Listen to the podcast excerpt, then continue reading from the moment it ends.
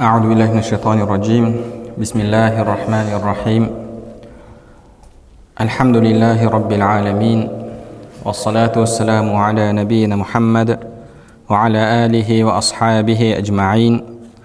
رب اشرح لي صدري ويسر لي أمري واحلل عقدة من لساني يفقه قولي. اللهم علمنا ما ينفعنا وانفعنا بما علمتنا وزدنا علما وعملا وتقا وإخلاصا يا رب العالمين. әмма бәд ассаламу алейкум рахматуллахи ва баракату иншалла алла субханала тағаланың қалауымен нәпсін тәрбиелеу тақырыбындағы дәрістерімізді ары қарай жалғастырамыз біз сіздермен өткен дәрісте мұсылманның құралы болған дұғаның ішкі әдептерін үйренуді бастағанбыз және дұғаның бірінші әдебі ретінде қасиетті уақыттарды пайдалануды айттық. Және одан кейін екінші әдебі ретінде қасиетті сондай шарапатты берекелі сәттерді пайдалануды айтып кеттік. Және одан кейін үшінші қозғаған әдебіміз дұғаның ол дұға жасаған кезде жүзді құбылаға бұрып қолды жайып және дұға жасап болғаннан кейін екі алақаныңызбен жүзді сипау керектігін айттық. Яғни бұлар дұғаның әдептері болып табылады. Дұғаның келесі әдебі дұға жасаған кезде қатты айқайламастан бәсең дауыспен дұға жасау. Әбу муса әл ашари радиаллаху анху бірде пайғамбарымыз саллаллаху алейхи уасаламмен бірге сапарда болдық және мединеге жақындаған кезде адамдар тәкбир айтып дауыстарын көтеріп алланы ұлықтай бастады дейді сонда пайғамбарымыз саллаллаху алейхи уасалам я айюханнас إن الذين تدعون ليس بأصم ولا غائب إن الذي تدعون بينكم وبين أعناق ركابكم адамдар сендер шақырып жатқан яғни сендер дұғаларыңды арнап жатқан зат ол бір естімейтін немесе ғайып болған зат емес.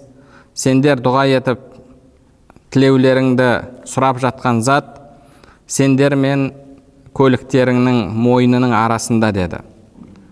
Яғни пайғамбарымыз саллаллаху алейхи уасалам бұл жерде алла субханала тағаланың дұға жасаған адамға дұғасын қабыл етуімен мейірімімен рахымымен естуімен жақын екендігін білдірді бұл жердегі сендермен мініп жүрген яғни түйесі болатын болса түйенің мойны мен сендердің араларыңда деген затымен болмысымен деген мағынада емес алла субханала тағаланың дұға жасаған адамға қабыл етуде дұғасын дұғасын естуде жақын екендігін білдіретін хадис болып табылады құранда алла субханала тағала аятта біз адамға күре тамырынан да жақынбыз деді күре тамырынан да жақынбыз деді бұл да алла субханала тағаланың адамға жақын екендігін білдіреді алла субханала тағала тағы да бақара сүресінде егер пенделерім сенен мен жайында сұрайтын болса мен жақынмын егер бір адам дұға тілесе мен оның дұғасын қабыл етемін деді бұл жерде де алла субханала тағала қариб мен жақынмын деп өзінің жақын екендігін білдіріп жатыр пайғамбарымыз саллаллаху алейхи уассалам да соны айтып жатыр сендер дұға тілеп жатқан зат ұзақ болған ғайып болған сендерді естімейтін зат емес сендер мен мінген көліктеріңнің мойнының арасында деді. Хадисті имам абу дауд имам термизилер риуаят еткен. Құранда алла субханала тағала дұға жасаған кезде тікелей аударатын болсақ намаз деп аударуға болады. Салах сөзі бірақ негізгі мағынасы дұға дегенді білдіреді. Салах сөзінің негізгі мағынасы дұға дегенді білдіреді.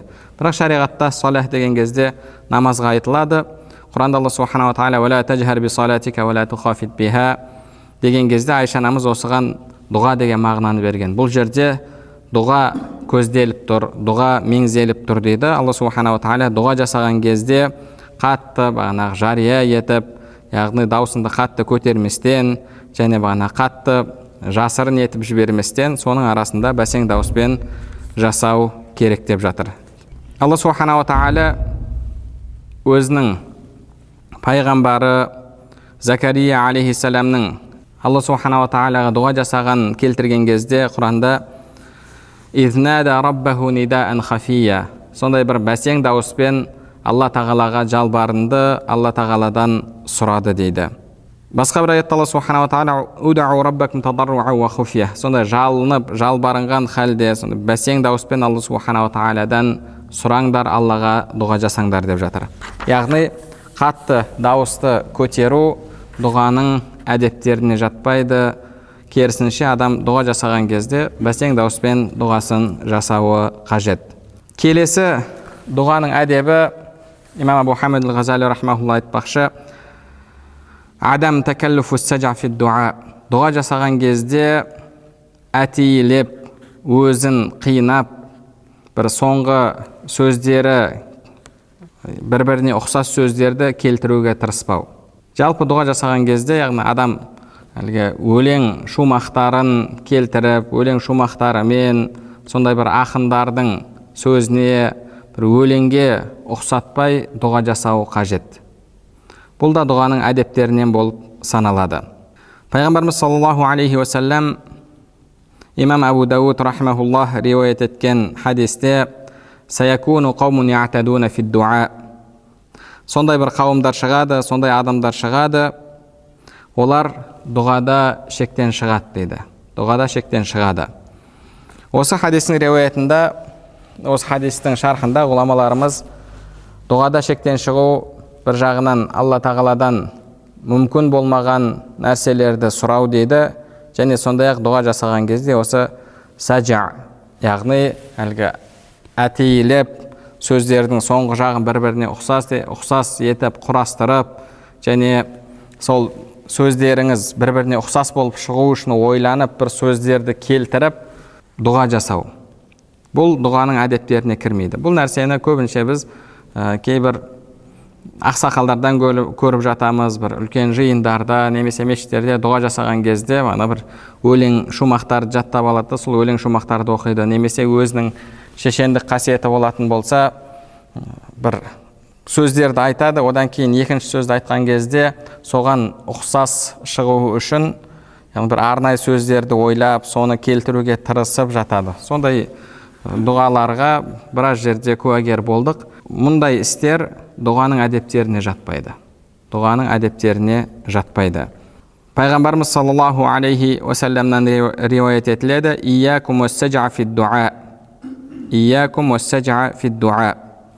Дұға жасаған кезде әлгінде осындай бір шешендікке салынудан сақ болыңдар деп пайғамбарымыз саллаллаху алейхи уассалам айтқан және сондай ақ пайғамбарымыз саллаллаху алейхи уассаламнан осы хадис тағы да екінші бір риуаяттармен келеді إياكم والسجع في الدعاء بحسب أحدكم أن يقول اللهم إني أسألك الجنة وما قرب إليها من قول وعمل وأعوذ بك من النار وما قرب إليها من قول وعمل саған дұға жасамақшы болсаң е алла сенен жәннатты және жәннатқа мені жақындататын сөзді амалды сұраймын тозақтан сақтауыңды сұраймын және сол тозаққа мені жақындататын сөздерден амалдардан сақтауыңды сұраймын деп айтуы оған жеткілікті дейді оған жеткілікті дейді яғни адам дұға жасаған кезде арнайы бір шешендікке салынып сөздерді ұйқастырудан сақтануы қажет. Бұл хадистерді имам абу дауд ат таялиси муснад кітабында және имам хаким мустадрак кітабында және сондай ақ сахибул хут сахибул қут өзінің кітабында риуаят еткен. Енді адам арнайы өзін қинап сол нәрсені істемей сөзінің өзі ұқсас келіп жатса онда оған рұқсат онда оған рұқсат. Ал бірақ арнайы әтейі ұқсастыруға тырысу ұйқастыруға әрекет жасау бұл дұғаның әдеттеріне жатпайды. Бірде алдыңғы үлкен ғұламалардың бірі бір адамның жанынан өткен кезде солай сөздерін ұйқастырып дұға жасап жатқанын көрген кезде оған айтқан сен алладан қажетіңді сұрап жатсың ба? немесе алла тағалаға өзің шешендігін көрсетіп жатсың ба? деген. Сенің бұл жердегі мақсатың не? Аллаға шешендігін көрсету ме немесе алла тағаладан мұқтаждығыңды сұрау ма қажетіңді сұрау ма өзіңнің мұқтаж екеніңді көрсету ме? Нені көрсету сенің мақсатың? Мен хабиб әл ажмиді көрдім дейді бұл үлкен ғұламалардан әулие кісілерден дұға жасаған кезде ол кісі аллахумма аллахумма ла қияма аллахумма лил деген сондай бір қарапайым дұғаларды жасайтын еді дейді яғни я алла бізді жақсылардың қатарында ет бізді қияметте масқара қылма я алла бізге жақсылықты жасауды нәсіп ет деп осылай қарапайым сөздермен дұға жасайтын және артынан адамдар тұрып соның дұғасына қосылатын ол кісінің дұғасының берекесін біз сезетін едік дейді. Яғни алла субханала тағала кейбір адамдардың дұғасына сондай тақуалығына жараса береке беріп қояды. Ол адамдардың алла субханала тағала сұраса сұрағанын береді. Оларды мужабу дауа дұғасы қабыл болатын адамдар дейді. Мен сондай ұлы кісіні ізгі кісіні көрдім қарапайым сөздермен дұға жасайтын еді деген. Пайғамбарымыз саллаллаху алейхи уассаламның өзінен де бір біріне ұқсас дұғалар келеді және ұқсас сөздер келеді бірақ ол жерде бір арнайы қиналып соны ұқсастыруға тырысу әрекеті байқалмайды мысалы пайғамбарымыз саллаллаху алейхи уассаламның жасаған дұғаларының бірі имам термизи рахмауллах риуаят еткен хадисте келеді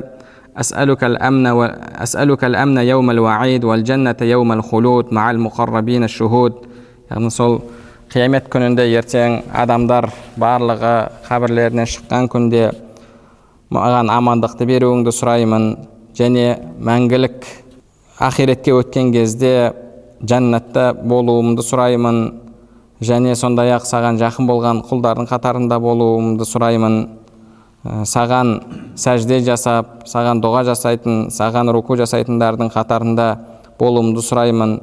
Уәделерінде берік тұратын иннака рахимун деген деген дұғаларды жасайтын болған. Қарап отыратын болсақ бұл жерде де соңғы жақтары бір біріне ұқсап кетеді.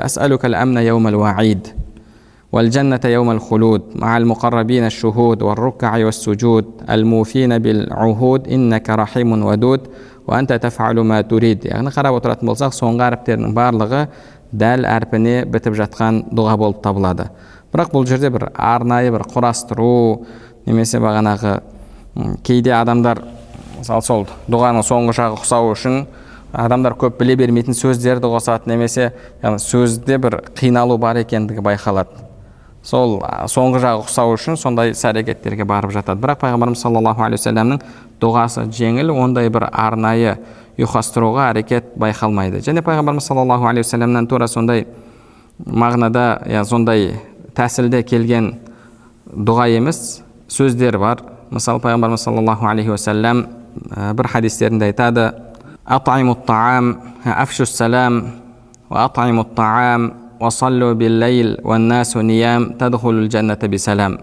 яғни сәлемді адамдардың арасында жайыңдар және жұртты тамақтандырыңдар адамдар ұйықтап жатқан кезде түнде намаз оқыңдар жәннатқа жұмаққа амандықта кіресіңдер дейді бұл жерде де қарап отыратын болсақ хадистегі сөздер бір біріне ұқсайды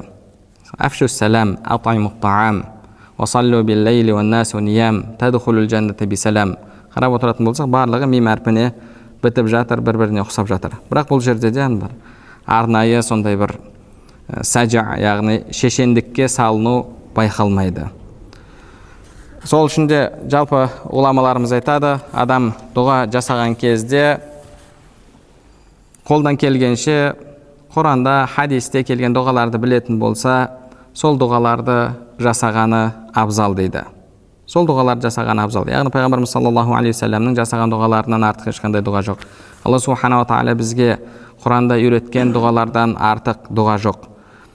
Өйткені дейді ғұламаларымыз айтады кейде адам өзінше дұға жасаймын деп әлгі құранда хадисте келген дұғаларды жасамастан өзінше бір дұға жасаймын деп дұғада шектен шығып қалуы мүмкін дейді. Пайғамбарымыз саллаллаху алейхи уассалам сондай адамдар пайда болады олар дұға жасаған кезде дұғада шектен шығады деген еді. Сол адамдардың қатарына кіріп қалуы мүмкін деді. Кейде өзіне пайдалы болмаған нәрсені алла субханала тағаладан сұрап қоюы мүмкін. Сол үшін де жалпы адамдардың барлығы дұғаны қалай дұға жасау керектігін дұрыс біле бермейді деді. Имам абу хамид ал ғазали айтады кейбір риуаяттарда келеді адамдар жәннатта да ертең жұмақта да ғұламаларға мұқтаж болады дейді өйткені жәннатта болған кезде адамдарға дұға тілеңдер тілеулеріңді айтыңдар деген кезде олар не тілеуін білмейді сөйтіп ғұламалар оларға не тілеу керектігін үйретеді дейді яғни кейде мысалы адам өзінің пайдасын білмейді немесе өзіне пайдалырақ болған нәрсені білмейді немесе бір нәрсені өзіне пайдалы деп ойлап алла субханала тағаладан сұрайды. Бірақ негізінде ол олай болмауы мүмкін. Сол үшін де адам жалпы дұға жасаған кезде де сол пайғамбарымыз саллаллаху алейхи вассаламның хадистерінде келген құранда келген дұғаларды көптеп жасайтын болса сол жақсырақ сол пайдалырақ болып табылады. Бізде бірде бір ұстазымыз айтқан еді сабақта отырған кезімізде көптеген адамдарға бірден сұрақ қойып қалсаң тілегіңді айт деп ол адамдар не тілеу керектігін де білмейді деді. Көп адамдар не тілеу керектігін де білмейді. Яғни мысалы егер бірден қазір алдыңыздан мемлекет басшысы шығып қандай тілектерің бар десе сіз ойланып қаласыз. Не айтсам екен нені тілесем екен деп. Кейде адам тек қана өзінің ана қара басының мәселелерін айтып қалуы мүмкін. Одан да күрделірек мұсылмандардың мәселесін ұмытып қоюы мүмкін. Яғни кейде адам не сұрау керектігін білмейді. Ә, бірде бір мешітте ақшам намазынан кейін отырдық. Тараз қаласында. Сонда кішігірім уағыз болды. Уағыз болғанда енді уағыз айтқан кісі енді бұл бірнеше жылдар алдын болған оқиға еді. Мешіттің қызметкері емес. Мешіттің қызметкері емес. Сол мешітке үш төрт күнге түнеуге келген кісі сол жерде уағызын айтып бастады. Егер қазір әкім келіп мен сендерге тағы бір мешіт салып беремін десе қандай керемет болар еді? Немесе қазір келіп не тілейсіңдер десе біз тағы бір мешіт салып бер деп айтсақ қандай керемет болар еді? деп сол жерде осындай бір әңгімені айтып қалды. Артынан кейін ой бөлісіп жатқан кезде мен өзім ойымды айттым енді қарап отырсақ мына мешітіміздің өзі бос. Себебі мешітте ақшам мен құптанның арасында сол кезде сол уағызда бір жеті сегіз адам отырды. Ақшам намазында бір 15 адам болдық. 15 адам болдық қалада қаланың қақ ортасындағы мешітте.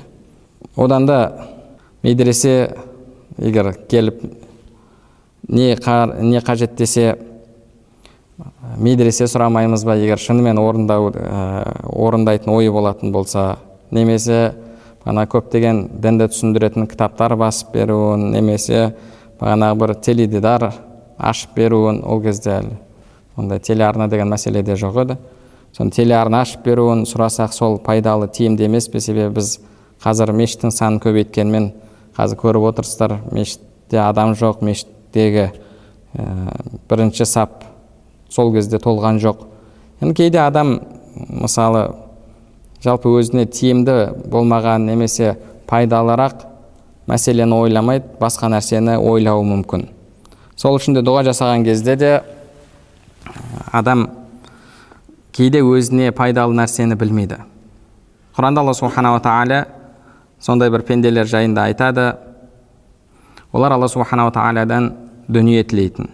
Алладан дұға, тіле, дұға тілеген кезде дүние сұрайтын. Я алла егер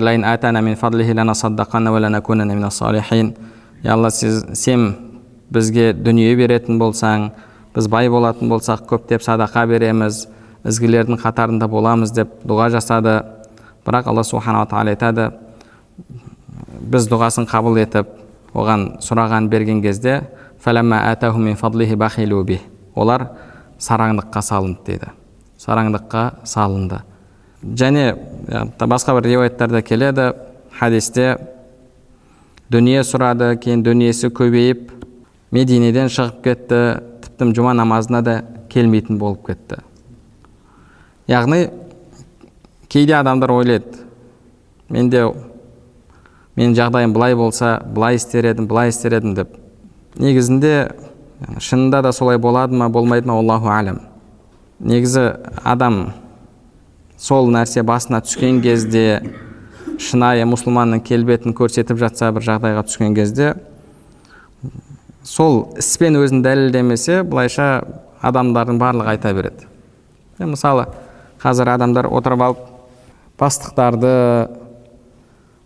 немесе сол мемлекеттің ақшасын игеріп отырған кейбір органдардағы адамдарды ой оңбағандар барлығы жейді ішеді халықты ойламайды деген сөздерді айтады. Бірақ сол адамның өзі сол жерге отырып қалса аллаху әлем оның не істейтінін оның не істейтінін шынымен де ол халықты ойлайтын адам болады ма болмайды ма? Аллаху әлем бір алла біледі.